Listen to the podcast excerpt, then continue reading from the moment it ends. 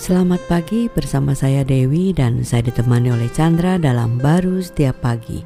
Kejadian 37 ayat 19 sampai 20a.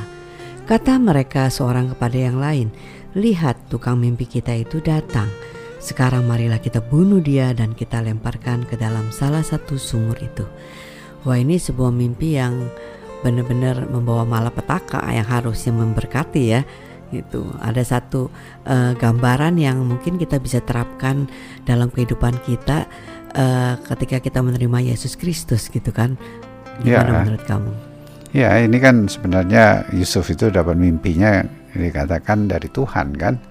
Kalau yang dari Tuhan kan seharusnya kan kita pikir kan pastilah membawa berkat Betul. bukan membawa malapetaka yang seperti ini yang dihadapi oleh Yusuf. Yusuf tapi kita tahu eh, pandangan Yusuf ketika mendapatkan mimpi itu dia berpikir eh, semua saudara-saudaranya akan tunduk kepada dia dan dia sebagai yang pemimpinnya, kepalanya begitu. Termasuk uh, bukan kakak-kakaknya aja. Tuanya.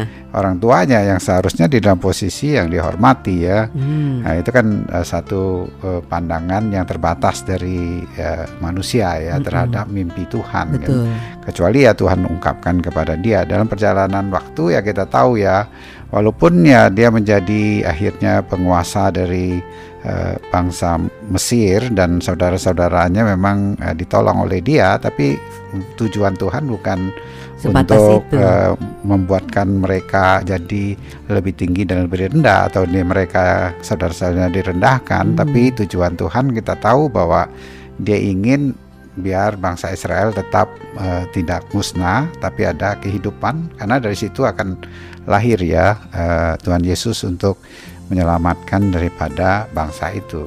Jadi mimpinya Tuhan itu di situ hmm. yang bukan sekedar hanya uh, sejauh uh, batasan manusia yang kita pikir ya sejauh uh, batasan untuk dia menjadi penguasa hmm. atau pemimpin dari bangsa uh, Mesir pada waktu itu. Wow, jadi istilahnya tuh ya uh, mimpinya Tuhan terhadap uh, kita pun itu Tuhan sudah genapi di dalam Kristus ya, karena kan uh, Yesus itu mati di kayu salib itu untuk menebus kita bagi semua orang yang percaya kepada kita sehingga kita tuh tidak perlu lagi baru bermimpi dan Tuhan menggenapi tapi sebenarnya mimpinya Tuhan itu sudah Tuhan genapi di dalam Kristus gitu ya. Ya, kalau kita lihat dari uh, apa yang terjadi dalam kehidupan Yusuf itu sebenarnya gambaran ya hmm. uh, Tuhan yang datang yang hidup di dalam kehidupan kita atau mimpi Tuhan itu kan